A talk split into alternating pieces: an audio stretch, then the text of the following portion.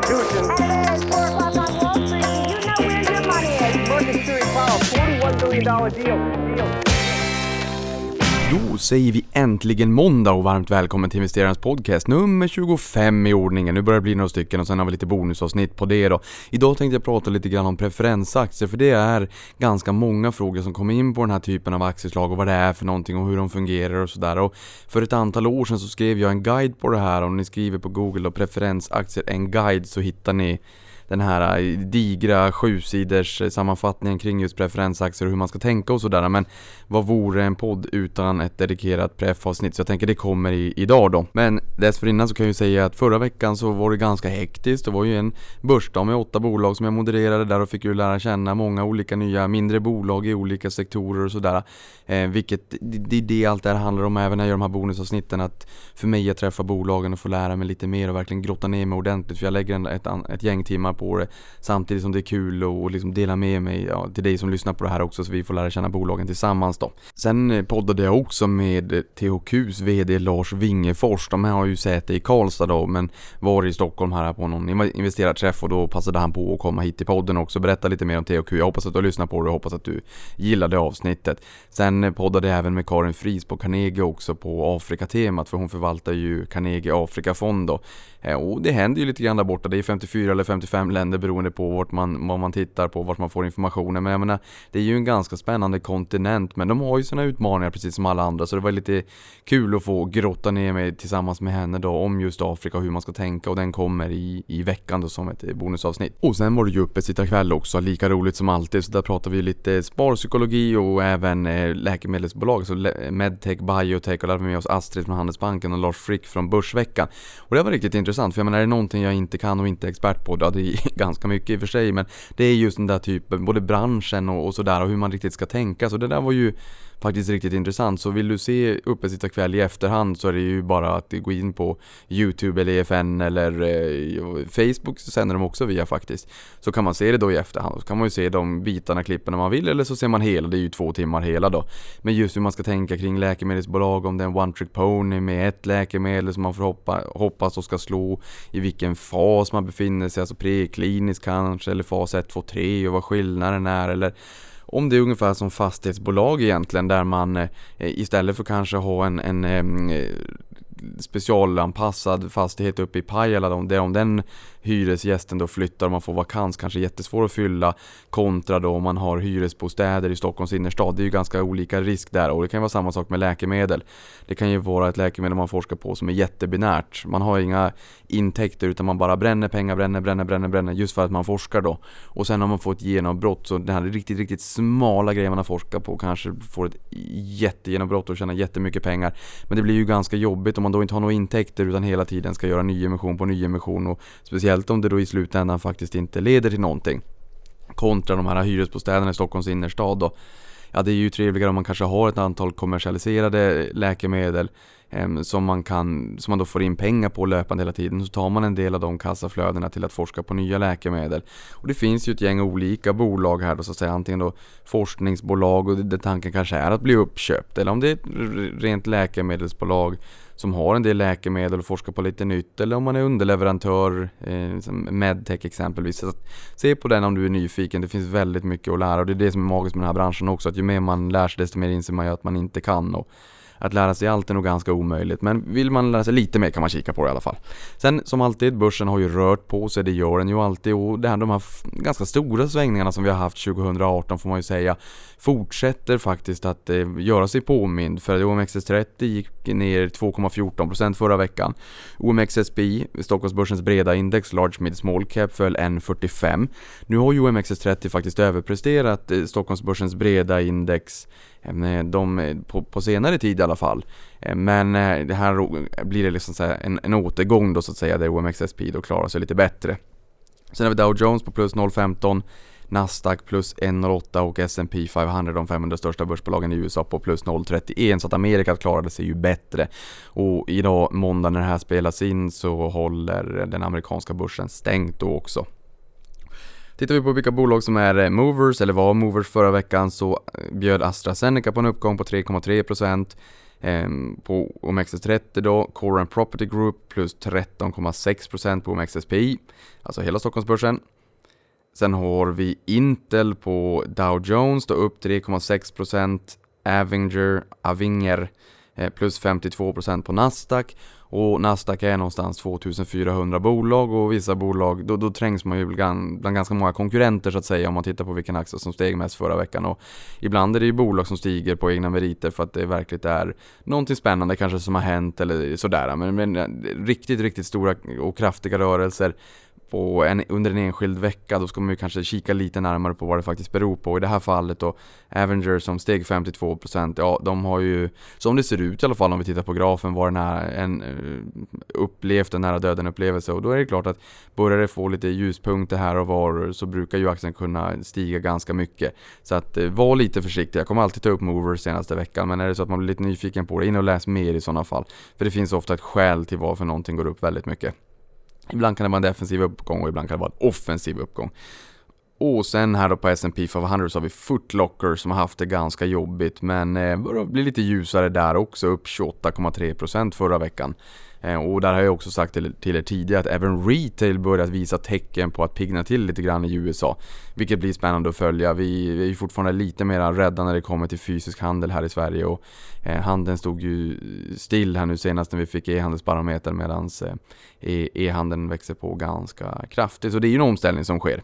Men hörni, idag ska vi prata om preferensaktier, detta tillgångslag som har blivit så populärt på senare år. Och kanske ligger också någonting i det att vi har ett negativt ränteklimat som vi steg in i den 18 februari 2015.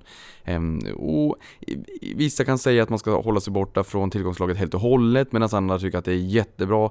Jag tycker väl kanske att eh, världen är inte svart eller vit. Det finns anledningar och skäl till varför preferensaktier funkar ganska bra i en portfölj och varför de kanske inte ska vara i, däremot i en långsiktig aktieportfölj och liksom för och nackdelar så får man själv bilda sig sin uppfattning om vad man tycker då att man vill plocka från det finansiella smörgåsbordet där ute. Vi har ju 70 000 aktier globalt så att säga. Preffarna är en del av dem. Ehm, vi har väl kanske en kan det vara 850 aktier eller något sånt där i Stockholm då. Inte bara på Stockholmsbörsen för då har vi 368 bolag utan här tänker jag då på alla listor. För vi har ju Stockholmsbörsen och eh, Nordic Growth Market som reglerade marknader. Sen har vi ett antal listor också med, med bolag där kraven är lite lägre. Det kan också vara ganska bra som medskick också. Tittar du på en aktie, kolla på vilken lista som den här aktien är listad eller noterad. Jag tror att det är ganska många som tittar på aktier som egentligen kanske inte riktigt vet vilken lista som bolaget faktiskt eh, huserar på och kallar, sig, kallar sitt hem. Så det kan ju vara vettigt att bara kika på det här. Lite roligt om inte annat, lite allmänbildning. Ehm, och om vi börjar då med vad en eh, preferensaktie är egentligen för någonting så ehm, är, man brukar säga att det är en hybrid mellan en obligation och en aktie och om man då inte riktigt vet vad en obligation och en aktie är ja, vi kan väl säga som så här att den finansiella marknaden delas upp i två undermarknader, kreditmarknaden och aktiemarknaden. Och aktiemarknaden är ju marknaden för eget kapital, man köper in så blir delägare i ett bolag. Och kreditmarknaden, då köper man skulder i bolaget och blir liksom eh, fordringsägare så att säga. Man lånar ut pengar, ungefär på samma sätt som att man går till banken och sätter in pengarna på ett sparkonto. Så har man en fordran på banken då så får man kanske noll i sämsta fall. Eh, hushållen har ju klarat sig från att få negativa räntor på sitt sparande i alla fall. Det är svårt att förklara det signalvärdet för vanligt gement folk eh, som, som dig och mig. Eh, Medan det är lättare kanske att förklara det för företag så att säga, eller att man kappar inlåningen så att ni får inte ha mer än så här då. Ehm, till kanske i bästa fall 1% någonstans som man kanske kan tänka sig att binda pengarna på lite längre sikt. Sådär. Men eh, det här blir ju egentligen samma sak som obligationsmarknaden då. Alltså där går man inte till banken och, sätter in sina slantar utan obligationsmarknaden föds ju för att stater och företag eh, vänder sig till marknaden och emitterar en obligation och tar in nya pengar och sen så får jag då en, en obligation som säger att du har lånat ut eh, 10 000 kronor eller en miljon kronor. En miljon är den vanligaste Eh, minimibeloppet på marknaden även om det finns eh, obligationer som är denominerade i mindre eh, slantar så att säga så då kan de låna upp pengar på, på marknaden helt enkelt. Och jag menar, är det en löptid så att de lever i, i över ett års tid, då kallar man det för obligation eller obligationsmarknad. Och det är under ett års tid, då kallar man det för penningmarknad. Och det kan vara statsskuldväxlar som är tre månader eller företagscertifikat som är några månader. Medan obligationer, då är det ju företagsobligationer, bostadsobligationer, premieobligationer och allt vad det kan tänkas vara. Så det är löptiden som differentierar namnet på de två då så att säga. Och jag sa ju alldeles nyss här då att en eh, preferensaktie kan ses som en hybrid mellan en obligation och en aktie och eh, det, det, det finns lite anledningar till det och som vi ska gå in på här och eh, en preferensaktie räknas som eget kapital när ett bolag ger ut den, den här preferensaktien, alltså när man emitterar den. Men i villkoren så är det ju ofta som så att what's in it for me som investerare, att du köper en preferensaktie till en viss given eh, prislapp och sen så är det en årlig utdelning då som lämnas, oftast kvartalsvis att säga. Ehm, så att när man köper en preferensaktie, i, för de allra flesta i alla fall, då tänker man den nästan som en, en obligation eller obligationsliknande instrument. Vad köper jag den för? Vad får jag för kupong? Och vad är det för direktavkastning? Ungefär som när man går till banken då och säger att ja, men jag vill placera 100 000 kronor då, då tänker man ju inte på, ja men jag får 1000 kronor i avkastning utan man tänker att jag får 1%. Man tänker alltså inte utdelning utan man tänker ju direktavkastning. Och det blir ju samma sak med eh, preferensaktien då. Jag kan alltså investera och köpa aktier i ett bolag och sen har jag förtur till utdelningen och sen eh, om det är en vettig och attraktiv nivå så kan jag tänka mig att köpa en preferensaktie då. Och det är just det här att de som äger och är innehavare av en preferensaktie, där har man förtur till utdelningen före stamaktieägare. Och alltså vanliga stamaktieägare, det ser man ju oftast på en aktie. Alltså om det är en A-aktie, en B-aktie eller en C-aktie exempelvis då. Det, då har man helt enkelt förtur till utdelningen som det här bolaget kan ge framåt. Och just det här med preferensaktier var någonting som var populärt på, i slutet på 20-talet, början på 30-talet i USA. Eh, så där finns det ju lite äldre böcker som säger att det här med preferensaktier kanske man ska hålla sig ifrån lite grann. Ehm, och det var på den tiden och, här har ju preferensaktierna fått en liten, vad ska vi säga, revival egentligen med Sagax som eh, dammade av den här gamla typen av, av aktieslag helt enkelt här för några år sedan. Det är mycket fastighetsbolag som huserar i den här branschen. Men just preferensaktier, precis som det låter, det är en aktie med viss preferens som har alltså vissa särskilda villkor och därför kan det vara ganska bra att i varje enskilt fall faktiskt läsa på lite grann att vad betyder den här preferensen för någonting? För det är inte så att man kan dra alla preferensaktier över en kam utan alla har ju egna enskilda eh, unika villkor som det är bra att ha koll på och känna till som investerare i det här aktieslaget. Men aktiebolagslagen säger att samtliga aktier i ett bolag har lika rätt till bolaget om inte bolagsordningen föreskriver annat. Och där i så ska de olika aktieslagen samt den här andelen av bolaget redovisas. Alltså hur många A-aktier finns det, hur många B-aktier finns det och sådär. Hur många preferensaktier finns det. Och inget aktieslag får ha ett röstvärde som överstiger 10 gånger ett annat aktieslags röstvärde. Men det här kan man ju säga att traditionellt sett så är det så att preferensaktierna också är röstsvaga. Men bara för att koka ner och sammanfatta, preferensaktien är alltså en hybrid egentligen mellan obligation och en aktie. Det är eh, lite både och beroende på vem man frågar. Pratar man om ratinginstitut, ja då ser de det ju som eget kapital och i bokföringen så är det ju eget kapital. Men jag menar när vi investerar i den här typen av papper så tycker vi att jo, fast egentligen varför man emitterar det här det är ju för att få in pengar i bolaget och kanske kunna göra affärer man annars hade inte, inte inte riktigt hade kunnat göra och det kommer vi komma in på lite mer när, när det kommer till fastighetsbolagen och då varför de gillar de här. Men Förtur till utdelning för stamaktieägare, förtur i prioritetsordning vid likvidation och bättre rätt än stamaktieägarna vid konkurs. Är det så att det är en konkurs, ja men då ligger ju alla obligationsinnehavare innan, alltså både säkerställda och icke säkerställda eh, och förlagslån och allt vad det är. Så att man, har ju en, man, man, är ju ändå ganska långt bak i ledet. Eh, men det är fortfarande så att man har bättre rätt än stamaktieägarna. Men, men är det just en konkurs, då är nog sannolikheten tyvärr kanske lite liten att man får ut några pengar från det här bolaget helt enkelt. Och det kan ju också vara ganska intressant att se vad är skillnaden på bolagets obligationer och eh, preferensaktierna, alltså när det kommer till eh, direktavkastning, eller räntan då som bolaget eh, ger faktiskt. Eh, den vill jag också säga att det är inte direktavkastningen här och nu, alltså aktiekursen i förhållande till, till utdelningen. Utan här är det viktigt att se att vilken nivå betalade man ut när man emitterade de här preferensaktierna? Så hur mycket pengar ger man, betalar man varje år så att säga och vad var det för eh, direktavkastning som aktierna kom in på på börsen? För det säger ju mer om man ska jämföra nivån på bolagets obligationer om bolaget har emitterat obligationer kontra nivån på preferensaktien för att annars så är det ju, det är ju börsen varje dag som styr direktavkastningen på aktier. De förändras ju hela tiden mellan 9 och 17.30 när börsen är öppen då. Utdelningen är ju satt så att säga men aktiekursen fluktuerar ju helt enkelt. Eh, och ibland är det också så här att preferensaktierna kan konverteras till stamaktier och det kanske också görs om det blir riktigt, riktigt sura tider i bolaget. Så det är ju värt att komma ihåg det också. Så att återigen, man bör läsa på i prospektet när det kommer till den enskilda preferensaktien. Den är unik. Vad är det för villkor? Vad finns det för risker? vad bör jag förhålla mig till då? Och sen också med det här med aktier att ingen aktie enligt då, eh, bolagsordningen får ha ett röstvärde som överstiger 10 gånger något annat aktieslag i bolaget. Det gäller inte de bolagen, exempelvis SBC som emitterades för länge, länge, länge, länge sedan. Jag tror att det där försvann på 50-talet så det är ju verkligen inte igår utan det är ju eh, riktigt länge sedan. Men det finns aktier som alltså har en tusendels röstvärde men det är inte okej okay idag med nyemitterade aktier helt enkelt. Så det är ganska ovanligt. Eh, men det finns några reliker på börsen helt enkelt.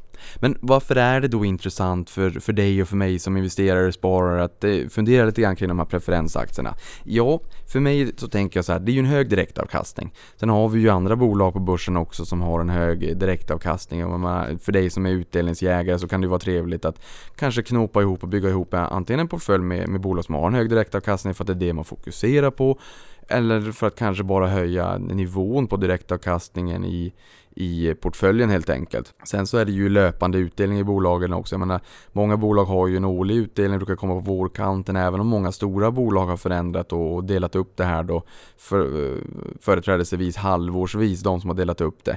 Ehm, men, men just det, preffarna de delar ut en gång i kvartalet allt som oftast. Så det är ju ett, ett mer löpande ehm, tillgångslag, alltså när det kommer till utdelning. Och för de som tycker att det är lite trevligt kanske att investera i, i aktier där det är löpande ut, eller det utdelningen så att säga är ett sätt att finansiera sitt liv och, och, sätta en guldkant på tillvaron där man alltså inte återinvesterar utdelningen utan faktiskt behöver den som tillskott i ekonomin. Då är det ju trevligare med en gång i kvartalet än, än eh, en gång om året. Ni förstår, det här handlar ju ingenting om värderingen på preferensaktierna utan det här är ju lite mjukare värden då helt enkelt.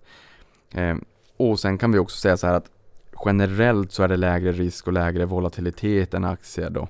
Eh, och volatiliteten, alltså hur mycket tillgångslaget svänger. Så att generellt är det så. Däremot så har vi sett tendenser till när det är lite stökigt på marknaden, alltså när det utbryter någon form av riktig sån där oro, så brukar det omsätts lite mindre i preferensaktierna också. Och då brukar det kunna vara så att om det blir ett starkt säljtryck som inte möts av ett köptryck så att säga, så brukar de kunna falla Eh, ganska ordentligt. Jag tror att det hände hösten 2014 kommer jag ihåg. Då, då föll det ganska mycket, till och med mer än börsen när det var riktigt oroligt där på höstkanten.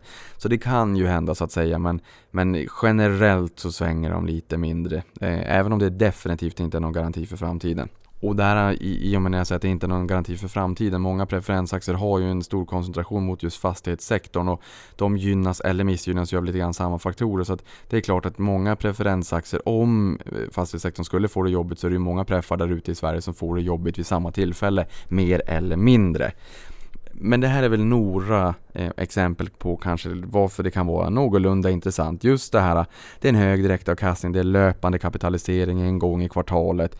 Ehm, och själv har jag eh, mina, eh, har jag en del preferensaktier i en amorteringsportfölj då istället för att amortera på bostaden. För det här är för ett, ett gäng år sedan, nu är det väl kanske fem år sedan. Så lånade jag upp en, en, eh, en miljon på bostaden och sen så tryckte jag in det ytterligare lite grann där. Så att, eh, och då kunde jag förhandla mig till 0,25. Sen var det ju förmånsbeskattning på det också i och för sig. Eh, men portföljen betalade 0,25 och så 2 500 på den där miljonen. Men samtidigt som jag kunde få då i alla fall 7%, 7 i, i portföljen här och det var ju 70 000 om året. Så att efter då kapitalkostnaden så är det ju, det var ju 67 500 kronor om året och den där har ju tickat på så det har ju tjänat ett, ett ett par hundratusentals kronor just på det här upplägget. Sen är det ju också så här att lån är ett lån och det ska betalas tillbaka alldeles oavsett vad som händer med pengar och investeringen. Medans eh, preffarna kan ju faktiskt gå ner. Eh, men där har jag personligen tänkt sådär då att eh, jag kan ju likvidera de här positionerna precis när som helst och betala tillbaka lånet. Men, men så länge spreadcaset gäller så, alltså mellanskillnaden då mellan, mellan vad jag kunde falla mig för och eh, vad jag fick i löpande eh, utdelning, alltså den direkta kastningen då, så, så tyckte jag att caset höll och eh, antingen så kunde jag ju använda eh, kassaflödet till att köpa mer preffar som ger, ger dem ändå mer utdelning i och med att jag ökar eh, basen av aktier i den portföljen.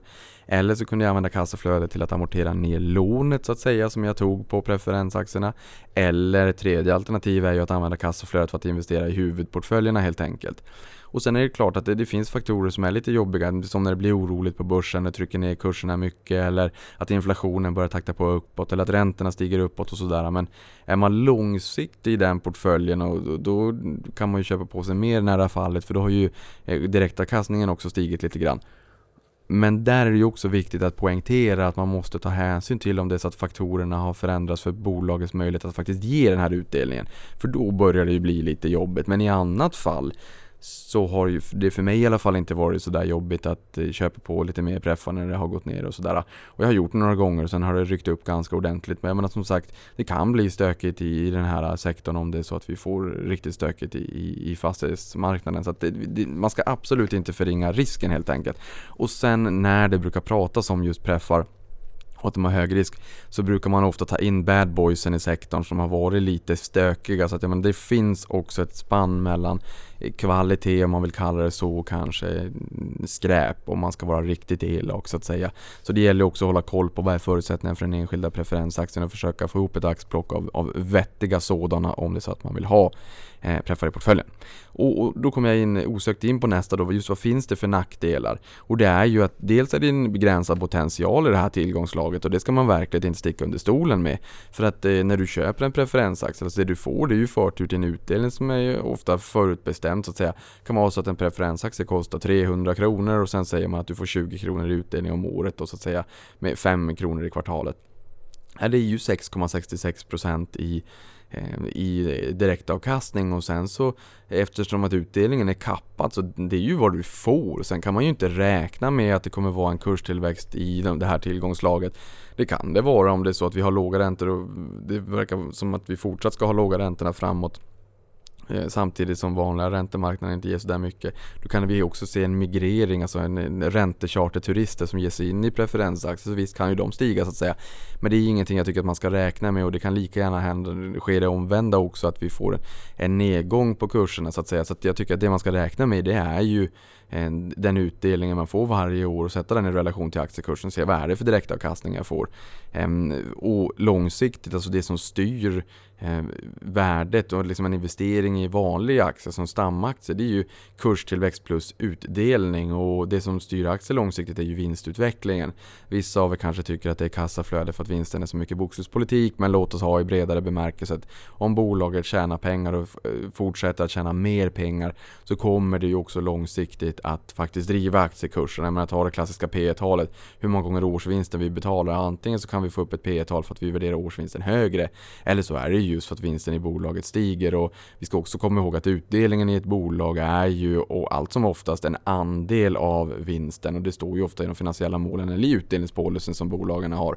Och är det så då att vinsten stiger, ja men då stiger ju också utdelningen för att utdelningen som andel av vinsten stiger och här um, Nej, alltså om, om, om andelen är densamma så att säga, säg att det är 50% som utdelningen då ska vara säger vi, så, och vinsten stiger, men 50% på en stigande vinst är ju mer än vad vi delade ut förra gången så att säga, det, det var det jag ville säga.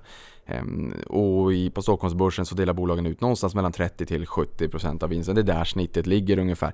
Så det är det där man ska också vara medveten om, att det, är en kappad potential för att kurstillväxt plus utdelning är eh, de två faktorerna som, som är magiska när det kommer till ränta på ränta-effekten på lång sikt. Och är det så att du väljer preferensaktier då väljer du också indirekt bort att faktiskt få liksom den lilla optionen på den här långsiktiga potentialen. För det är ju bara den här utdelningen du får, that's it. Det blir liksom inte roligare än så. Den växlas inte ens upp med inflationen utan eh, vygg, what you see is what you get. Står det 20 kronor om året på den här 300 då är det det här och inte mer än så.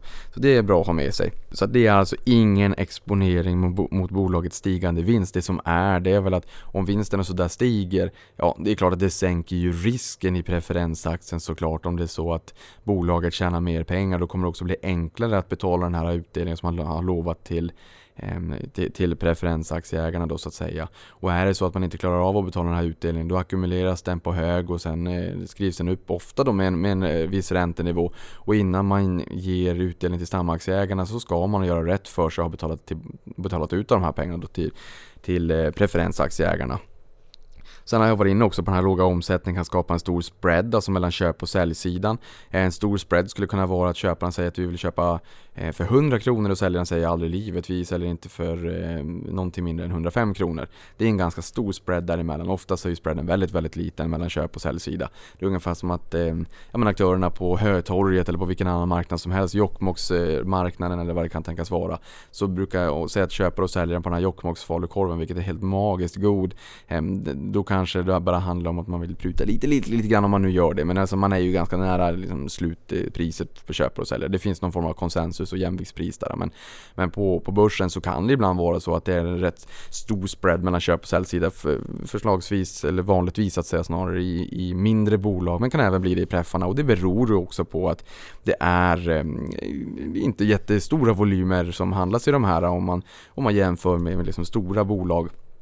Så att man ska ha med sig den. det kan bli stor spread vid oro. Och sen är preffan också känsliga för inflation och räntenivå. Jag menar inflationen urgröper ju värdet på eh, på våra pengar och, och, nu har man ju också ändrat målvariabel på, hos Riksbanken då officiellt till KPIF, alltså eh, stigande inflationsnivån exklusive eh, eh, alltså med, med, fast ränta så att säga.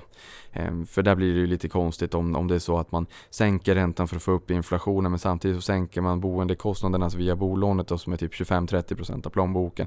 Vilket gör att det skapar ett deflationistiskt tryck men det är en utsvävning och det ska vi inte prata om här. Men man är alltså exponerad för risken mot just en stigande inflation. För jag menar, får du 300 spänn i, i kurs på den här preferensaktien, 20 i utdelningen om året, 5 kronor i kvartalet och 6,66% direktavkastning. Ja, är det så att inflationen skulle stiga upp till 6,66% säger vi, då är den där investeringen ganska jobbigt, tråkig, dålig och då kommer också preferensaktierna falla ganska mycket. Ehm, och sen är det just räntenivån också, för jag menar, det man tittar på det är ju, alltså när det kommer till all form av investeringar, det är ju vad får jag, vad, vad är det för riskfri ränta jag tittar på och vad får jag för riskpremium ovanpå det?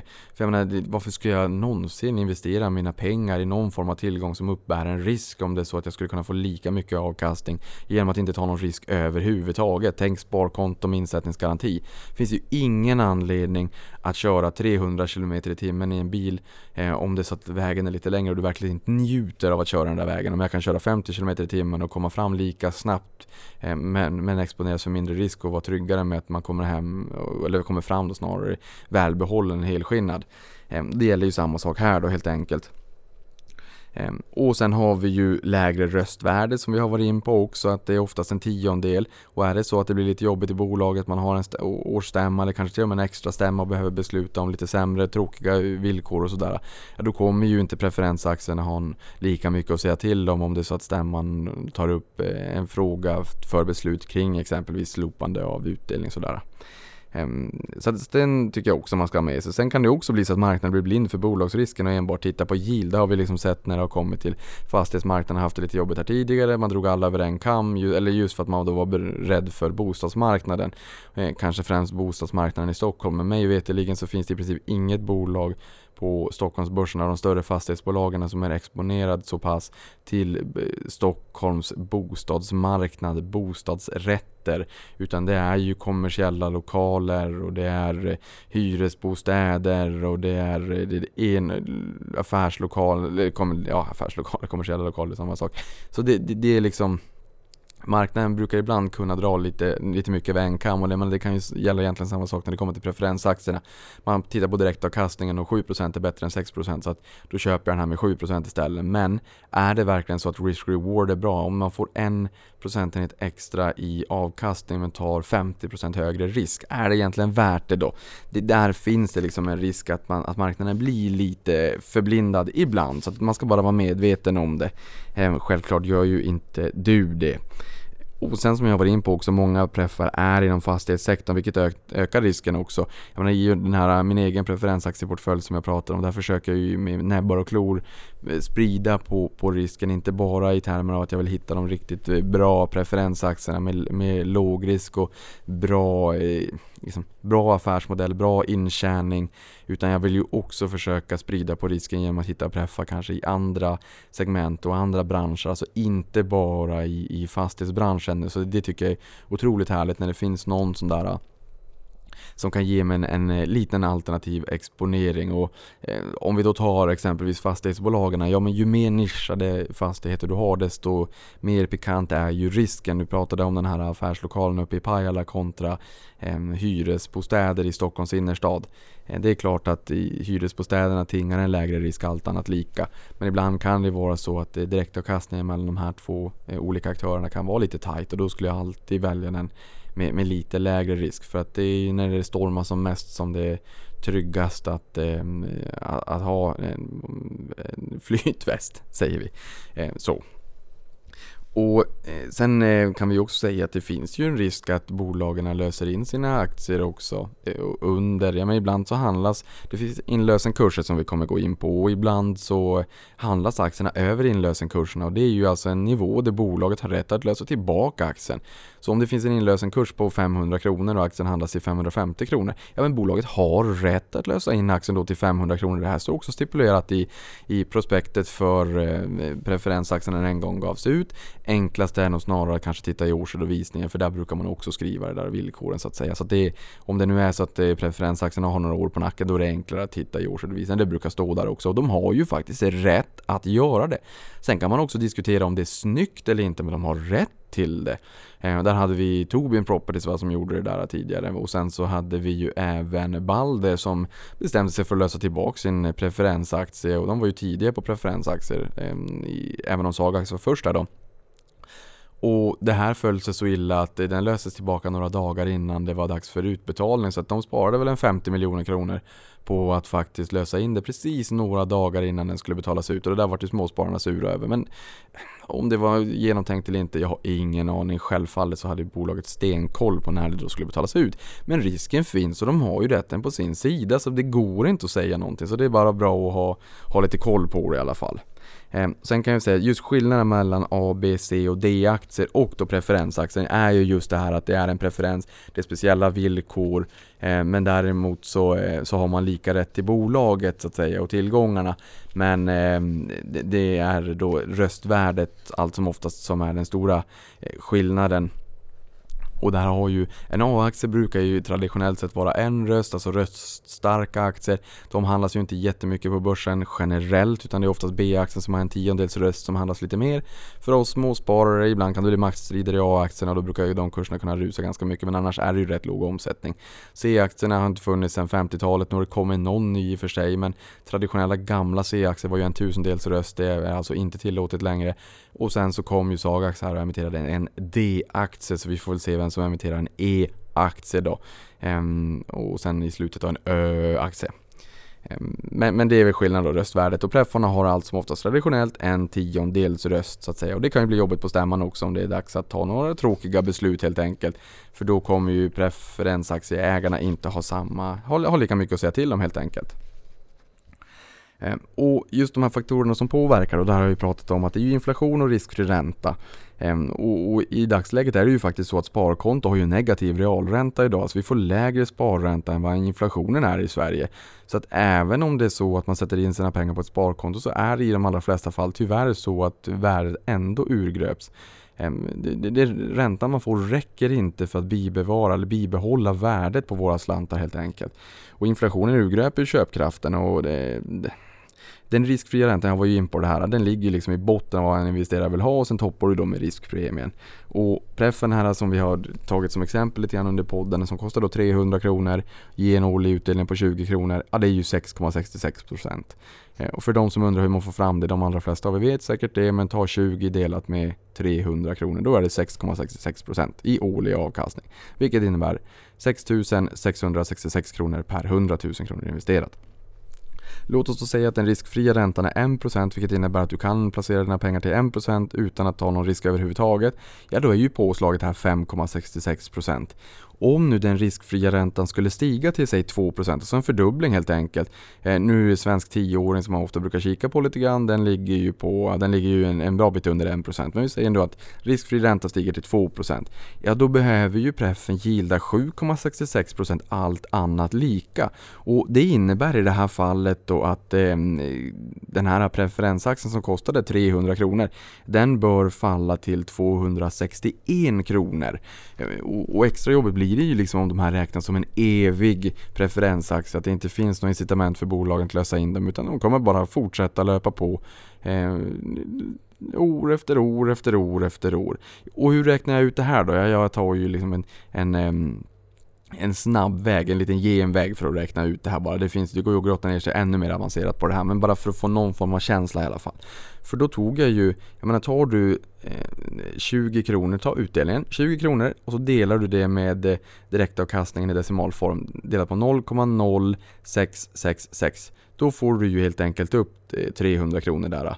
Men om det nu är så att eh, den riskfria räntan stiger en procentenhet, du behöver 7,66% istället för att påslaget ovanpå den riskfria räntan ska vara samma så att säga. Eh, det, det, innebär ju att allt annat lika så blir det ju lite mindre eh, intressant, relevant. Eh, magin trillar bort lite grann i preferensaktier om det är så att eh, den riskfria räntan stiger. Ehm, det är ungefär som att den riskfria räntan kanske ser ut som hur du ser ut när du kliver ut ur duschen och sen så eh, om den, den riskfria räntan stiger, eller ja i och för sig, när, när den riskfria räntan då stiger lite grann, ja då är det ungefär som man ser ut när man kommer ut från duschen, äter frukost och, och kammar sig och är på väg att gå till jobbet. Då ser det ju lite bättre ut. Ehm, så den blir ju lite mer attraktiv och då för att preferensaktien ska vara lika attraktiv, ja då bör den ju liksom stiga lite grann helt enkelt. Så att då säger vi då så här, då har riskfri ränta gått från 1% upp till 2%. Vi vill ha samma påslag för att eh, risken så att säga, vi vill ha betalt för risken i preffen också. Ja, då tar vi då 7,66% så att ta 20 kronor delat på 0,0766 då kommer du se där att det står 261 kronor istället. Så att jag menar, det är ju eh, räntekänsligt eh, helt enkelt. Och om, om ehm, om vi har en direktavkastning på 6%, jag menar varje procentenhet är 16%. Har vi en, eh, en direktavkastning på 7% då är varje procentenhet 14%. Så det, de är ju liksom känsliga för förändringar i räntenivåer etc. Och det jag har då sagt och gjort det är ju att om de då faller, ja men då tankar jag ju på med lite mer helt enkelt. Eh, och, det är väl kanske det som har varit just eh, möjligheten att, att eh, kunna använda tillgångslaget på rätt sätt. Att man har en, en eh, ambition redan från start så att säga att det här är ett långsiktigt eh, sparande, kanske då i mitt fall istället för att amortera. Nu gör jag det ändå i alla fall också för att sänka risken i hushållet. Ehm, men är det liksom lite mera kortsiktigt och man inte riktigt vet när man behöver pengarna, då skulle jag vara betydligt mycket mer känslig för förändringar i räntor och inflation faktiskt. Ehm, så jag tycker att det, här, det är vettigt att hålla koll på det här. Och varför emitterar då, eh, eller vem emitterar en preferensaktie och varför? Och här skrev Andras på Twitter också en fråga att ja, men vad är det egentligen som har gjort att det har kommit ut så mycket preferensaktier i marknaden? Är det investerarnas krav på fastighetsbolagen i och med att det är fastighetsbolagen som i mångt och mycket just har emitterat de här? Och jag skulle vilja säga så här att min bild av det här är att vi har ett negativt ränteklimat vilket har gjort att det, de flesta affärerna i fastighetsmarknaden har varit kassaflödespositiva från start egentligen. Och det här kanske vi inte riktigt har sett på det här sättet tidigare och då kan man tänka holy smoly. Eh, vi kommer ihåg tidningsrubriken The Happy Days Are Here Again 1987 och sen så kom det två veckor senare en, en eh, rubrik i samma tidning som stod 10 dagar som förändrade världen. Eh, och det var en svart framsida och det var ju alltså då kraschen 1987 när, när Dow Jones föll 508 punkter och då stod, då var, var det väl 1700 eh, punkter som, som den stod i från början så det var ju en, en jättenedgång, jag tror att den var 23,6 procent. Ehm, så eh, det finns risker och allt kan ju hända så att säga. Men, ehm, men eh, fastighetsbolagen då, om det är så att de kan köpa fastigheter eh, och fanda sig så pass billigt att direktavkastningen i fastigheten, alltså fastigheten vad man då köper den för och sen så har man direkta kostnader för den och sen så det, det, det nettot som blir då så att säga.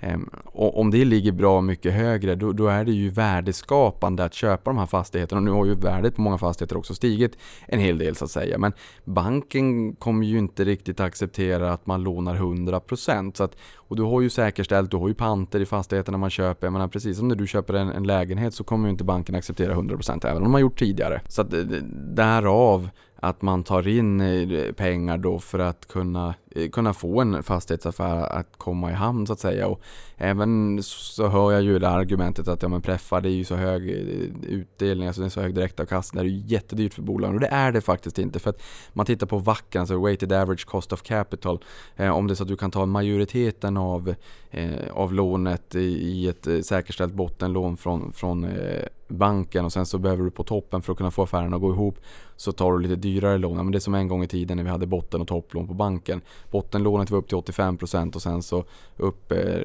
ovanför där innan då eh, innan eh, bolånetaket kom till så hade man ju topplån för att risken var lite högre på toppen. Eh, men Tutti Barutti i och med att större delen, lejonparten av lånet hade den lägre räntan så vart ju räntan inte jättehög i slutändan ändå så att säga. Så att jag skulle nog säga att det är många fastighetsbolag som har utnyttjat möjligheten att köpa fastigheter där man har varit kassaflödespositiv i princip direkt.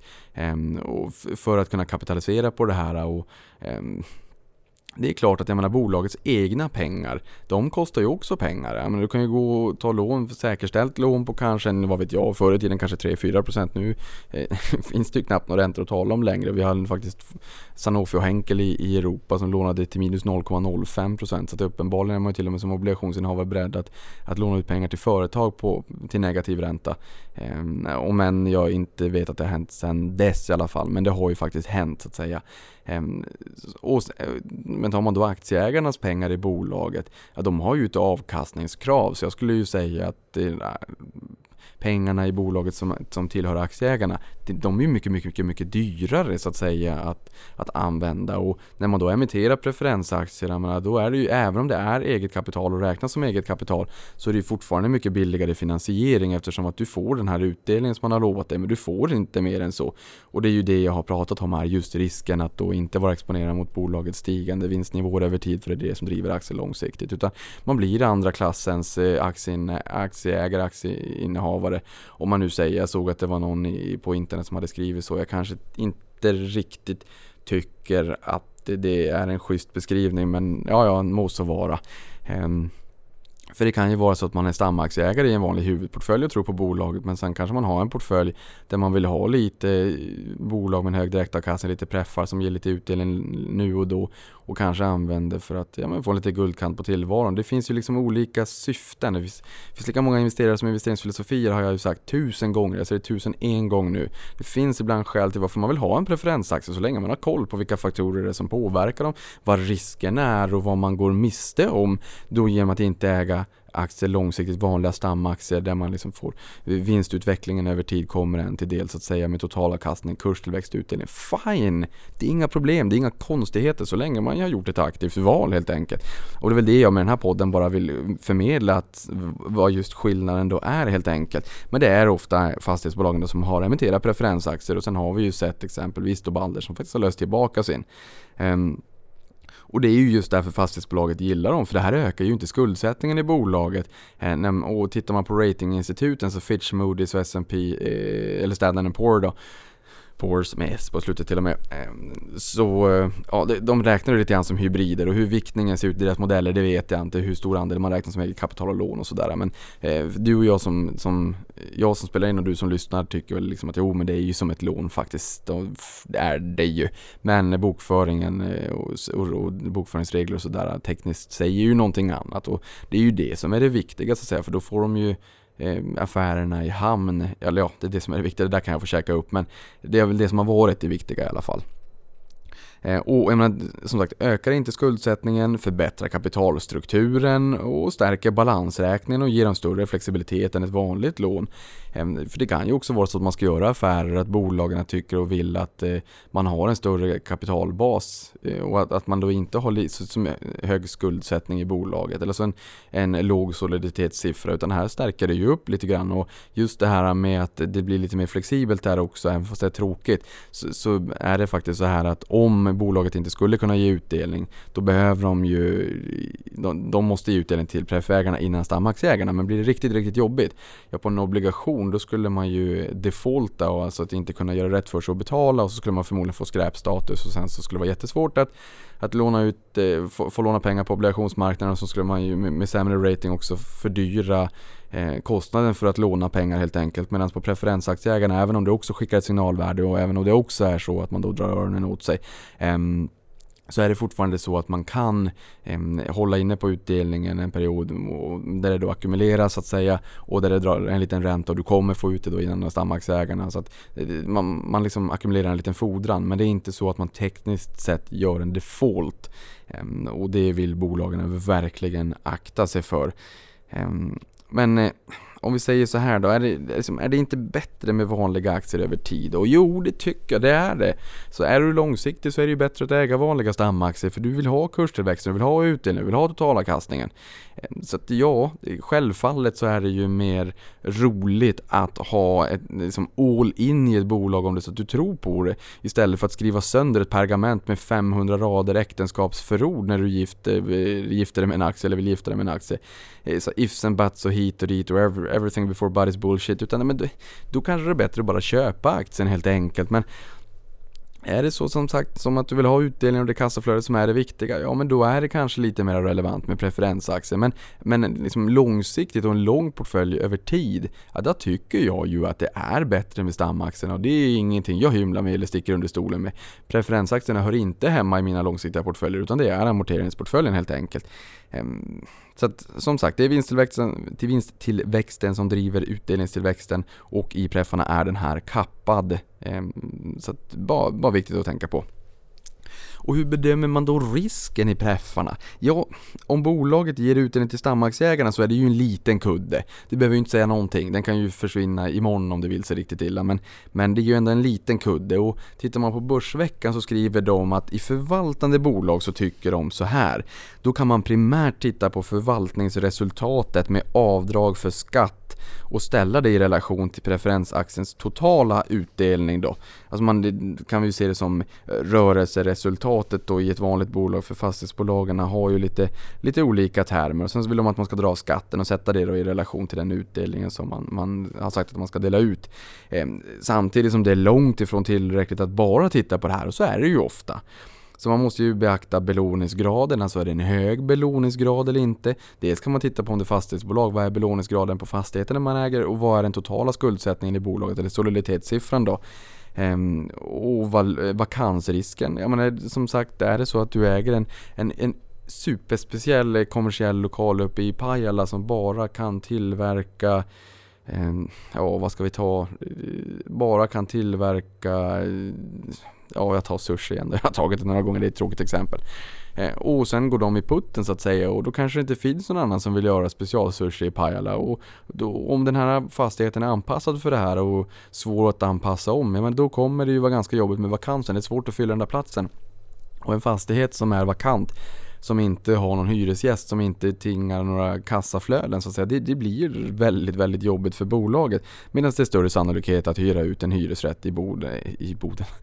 jag, jag, jag pratar snabbare än jag tänker, i Stockholm då. Ehm, och är det så att en hyresgäst flyttar då kommer man förmodligen att hitta en annan ny hyresgäst ganska fort då. Ehm, och sen räntebindningstider samt hur bolagets eh, balansräkning i övrigt ser ut och vilka investeringsbehov som finns. Och räntebindning, där kan man ju också titta på både kapitalbindning kapitalbindning och räntebindning. Kapitalbindning tänker man inte som privatperson för det handlar ju liksom, man går in till banken och lånar ett bolån. Eh, ja men då tänker ju inte du på okej okay, hur länge får jag låna det här lånet och, och sen kommer en faktura på 5 miljoner kronor om tre år. Eh, och sen så måste jag försöka hitta hitta en, en, ny aktör som kan låna ut pengar till mig för annars måste jag betala in 5 miljoner. Så funkar det inte riktigt. Det funkar så med, med det här nya eh, konceptet Enkla som jag har förstått att man lånar ut på tre år och sen så tar de, inte, eh, tar de inget ansvar för att du ska hitta en ny aktör. Och, ja, vi låter det vara osagt, men i det värsta av världar så kanske det inte är så jobbigt. Jag menar under finanskrisen 2007-2008 så föll, frös ju kreditmarknaden till is. Det var så svårt att refinansiera sig på riktigt. Så att de här riskerna finns faktiskt i det finansiella systemet. Men, eh, men vi som privatpersoner tänker inte på det, men bolagen måste ju tänka på det så att man kan refinansiera. Så att eh, det, där tittar man då på eh, eh kapitalbildning så att säga. Att, ja, men om vi har en kapitalbildning på fem år, ja då vet vi att vi har kapitalet i det här lånet i fem år. Sen har man ju en ränta räntebindning också. Och då kan man tänka, ja men om man då lånar upp pengar så att det är rörligt lån tre månader som det är på ett bolag, men då är det ju det. det är så. Men så funkar det inte riktigt heller. Jag menar, förut när jag satt på SCB så lånade vi ut pengar på tre månader, det kallade vi för rörligt och sen så var det en upplåning på två år.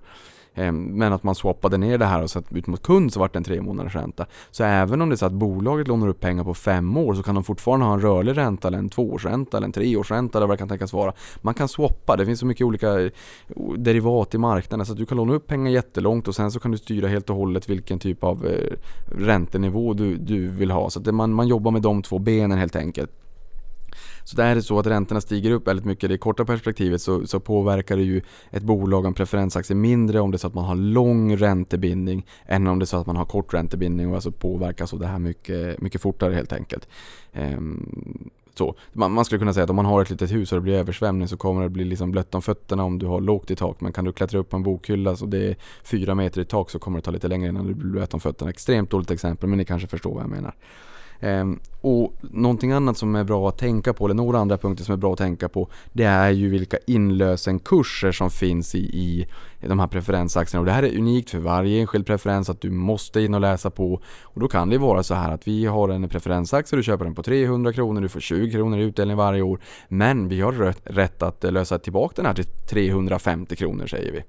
Eller så kanske det står att vi har rätt att lösa tillbaka till 350 kronor eh, år 1 till 5 och efter 5 år så får vi lösa tillbaka till 325 och efter 10 år får vi lösa tillbaka till 300.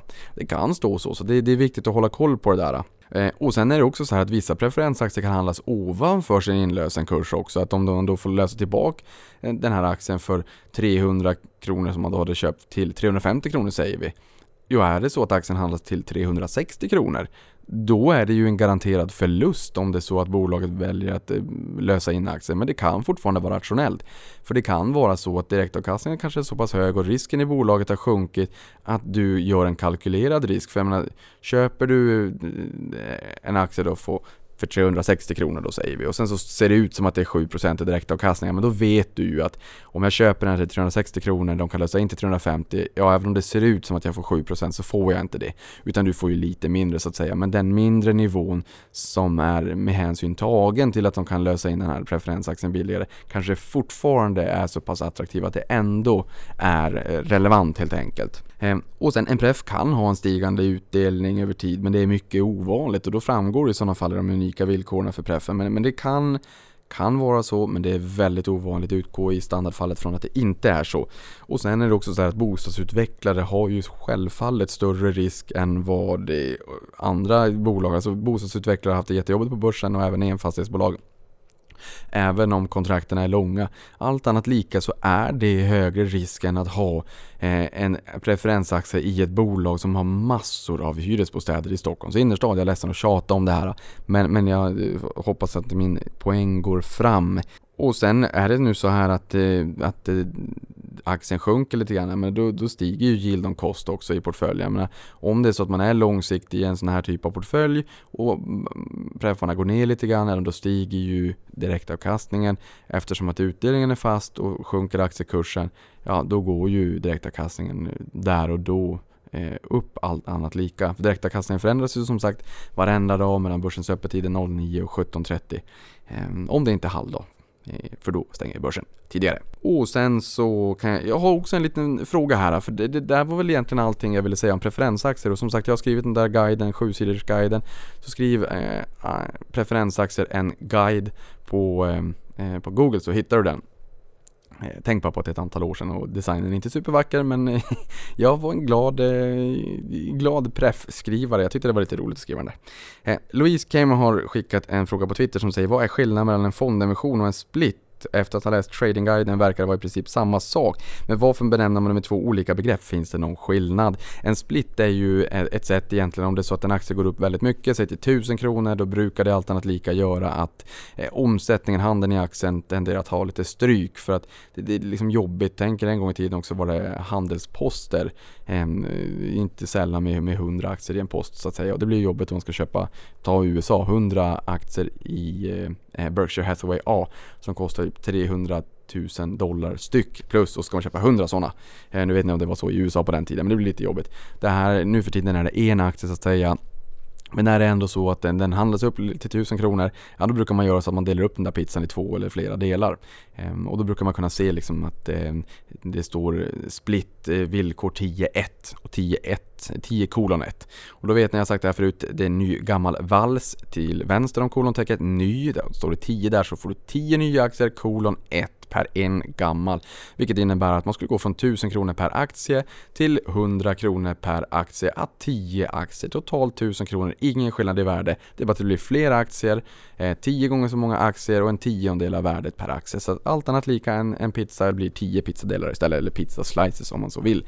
En fondemission är ett sätt att göra eh, bolaget lite mer kapitalstarkt, lite bättre eh, kapitalstruktur kanske om man så vill, en, lite mindre risk i bolaget och sådär. För att du har ju fritt eget kapital. De kan du dela ut och göra lite grann vad du vill med. Men är det så att man gör en fondemission i bolaget, då binder du kapitalet närmare dig och kan liksom inte riktigt använda det. Du kan inte dela ut det, det är alltså inte utdelningsbart. Så det, allt annat lika så tenderar det att eh, räknas som lite tryggare kapital helt enkelt.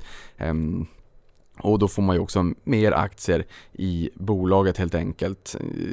Allt annat lika så det är väl det som skiljer då så att säga. Och ibland finns det skäl till varför man vill göra en fondemission och stärka upp kapitalbasen i bolaget så att säga. Och det kan ju vara så att Um, om, jag pratar om att man kliver ut ur duschen kontra man kammat sig och är lite fin i håret. Lägger här till lite pomada i håret och lite en piff-puff med lite, lite parfym när man går ut också. Så det blir lite finare.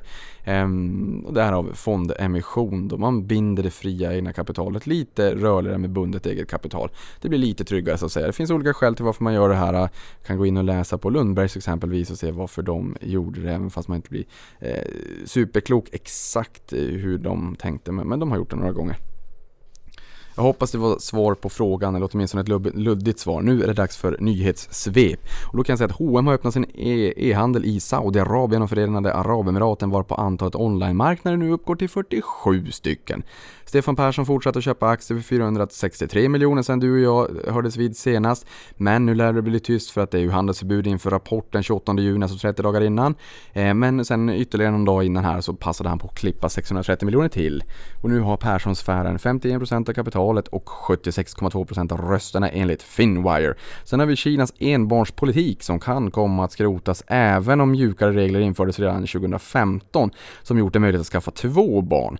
Och det här bör ju bidra till stora möjligheter både konsumtionsmässigt, alltså morgondagens konsumenter i Kina, eh, och i och med att de får det bättre ställt och allt och där och de vill ha västerländska eh, varumärken, eller så har det varit historiskt i alla fall. Men även fertilitetsbolaget Vitrolife till Kina är deras största marknad.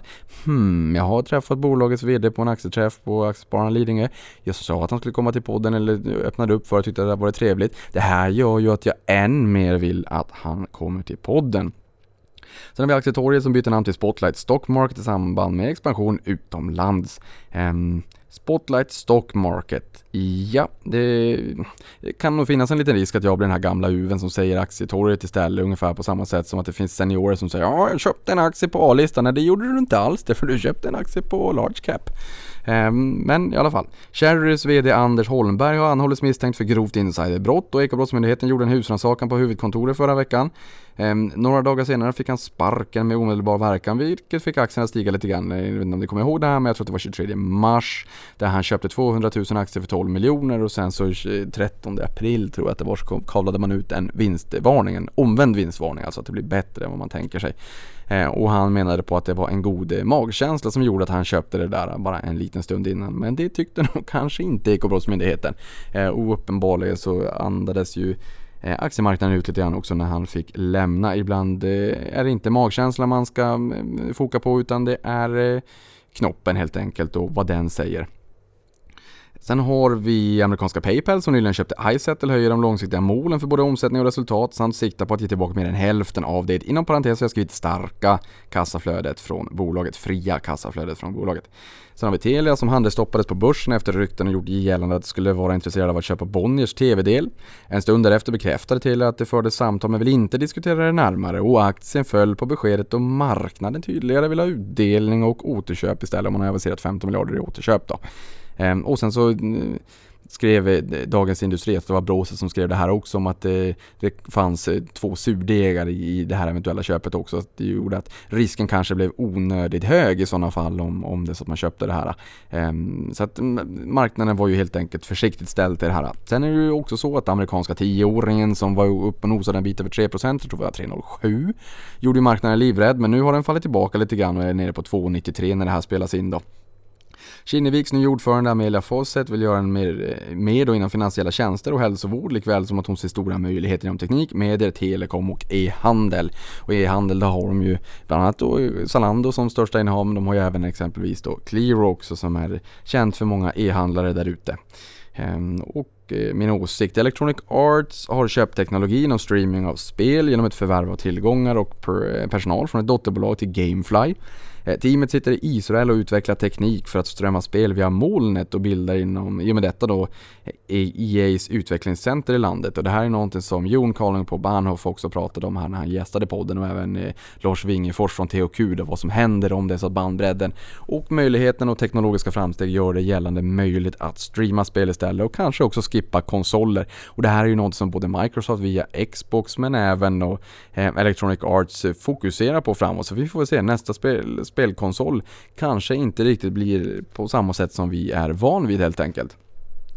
Sen har vi Fagerhult som utser Bodil Sonesson till ny VD efter att Johan Hjertonsson lämnar för att istället axla rollen, eh, VD-rollen då på Latour efter avgående Jan Svensson som gästade podden i avsnitt 10. Idag är hon global försäljningsdirektör på Axis och styrelseledamot i norska Tomra. Axis köptes ut från börsen, eh, där tog ju Elliot Capital en corner på 10% för att pressa dem lite grann. Där gjorde man samma sak i Nordnet när de var på väg ut också. Och sen har vi norska Tomra som eh, är det största innehavet i Latour, eh, största utländska innehavet och eh, Tomra har Latour som största ägare också. Där sitter Jan Svensson med i styrelsen och eh, likaså då Bodil här då så att säga. Koncernen, den här lilla sfären, den, den hålls intakt helt enkelt. Och sist men inte minst då Netflix gick om eh, Walt Disney som världens största medieföretag. Det här är ju en, en riktig bomb i medievärlden. Mätt i börsvärde då i talande stund så är det 400 miljoner US-dollar i skillnad och enbart i år har då Netflix stigit 83% vilket förärar dem med en första plats på S&P 500 de 500 största börsbolagen i USA. Och med det sagt är det så att det är slut för avsnittet kring preferensaktier och veckans podd. Så jag säger bara som så här att vi hörs om en vecka. Eh, skojade bara, det kommer ut bonusavsnitt men sen hörs vi igen om en vecka och går igenom lite grann vad som har hänt senaste veckan. Ha en riktigt, riktigt bra börsvecka och mycket sol och avkastning på er. Tack för mig så hörs vi igen. Tiden går ju riktigt fort när man har roligt och det var ju ett exempel som jag glömde berätta om som jag kom på efter att jag hade spelat in. Så jag tänkte berätta lite grann om just när man säger att bolagen är kassaflödespositiva direkt och vad det egentligen innebär. Ja, man brukar prata om VACen, alltså Weighted Average Cost of Capital, alltså vad, vad, kapitalkostnaden är egentligen. För att, jag menar, ta din egen ekonomi. Om det är så att du har ett bolån så är det ganska, kanske mycket kronor och ören i förhållande till andra skulder i hushållet. Och där kommer ju räntan också vara betydligt mycket lägre för att man, det är ju säkerställt lån. De, banken får ju pant i bostaden.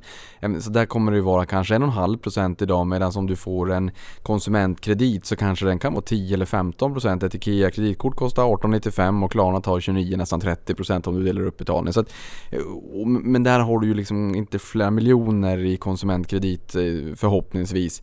Så att eh, weighted average cost of capital det är liksom all, allt kapital och vad det egentligen kostar i, i slutändan. Och tar vi då exempelvis en, en, affär som ett fastighetsbolag vill göra när de vill köpa då en fastighet och ska försöka få ihop finansieringen till det här. Ja, då kan de ju ta, säg 70 50% av eh, en fastighet som kostar 100 kronor. 70% eller 70 kronor kanske banken ställer upp med. Det är ganska mycket loan to value men de kan ju ställa upp med det då säger vi. Eh, och resten får man pynta in själv då för att eh, bolagen får ju ge en, en större inom citationstecken kontantinsats än vad du och jag får som privatperson. För privatpersoner har lägre risk än bolag. Allt annat lika. Och den här sista 30 kronan måste man ju hitta. Sen är det ju klart att eget kapital kostar också mycket pengar för det är avkastningskrav så att säga. Så det måste man ju som räkna med. Ehm, medan lånade pengar är ganska billigt. Det här banklånet är upp till 70% det får man betala 3% på säger vi. Eh, tar man då och emitterar preferensaktier på de här sista 30% och så säger man att man får 7% i direktavkastning då mm, genom att eh, köpa den här preferensaktien. Då är det många som säger att oh, det är så mycket och det är så dyrt. Men om man slår ihop det här, eh, 70% av affären här eh, finansieras med lån från banken säkerställt som kostar 3% och det innebär ju att kostnaden för det då blir 2,1% på den här andelen 70% av finansieringen. Sen måste vi täcka de sista 30% också. Det är det vi gör med preferensaktien. Så att de sista 30% kostar mer, betydligt mycket mer. De kostar ju 7%. Eh, men tar vi då att eh, 30% av hela affären, det vill säga minoritetsandelen av affären finansieras med den dyra finansieringen 7% då får vi återigen där eh, 0,3% eller 0,3 gånger 7 är 2,1. Lägger man ihop de här två delarna då ser vi ju att ja, finansieringen på, alltså vacken på den här affären blir 4,2%. Så att Eh, majoriteten 70% eh, finansieras med billig finansiering 3% och 30% av affären finansieras med dyr finansiering 7%. De två tillsammans när man viktar ihop andelarna, alltså vikten av hela hundringen då som vi köper den här fastigheten för, ja då blir det 4,2% och bolaget kan helt enkelt då uppenbarligen köpa en fastighet som kanske ger en 6-7% eller har gjort historiskt i alla fall och därför man varit då kassaflödespositiv. Sen är det ju bra också att man inte behöver låna upp mer pengar i, i bolaget. Dels kostar ju eh, lån så att säga men eh, här har vi sagt att lånen har ju faktiskt varit billigare men man får inte låna hur mycket som helst på det enskilda objektet. Och sen så bibehåller man ju kanske sin finansiella styrka för när ratinginstituten tittar så, så ökar ju inte skuldsättningen på så vis när man har preffarna och Ehm, vilket gör att kreditbetygen kanske hålls intakta för att om de försämras så blir det ju dyrare. Och det är liksom många parametrar som talar för varför det här har varit rationellt.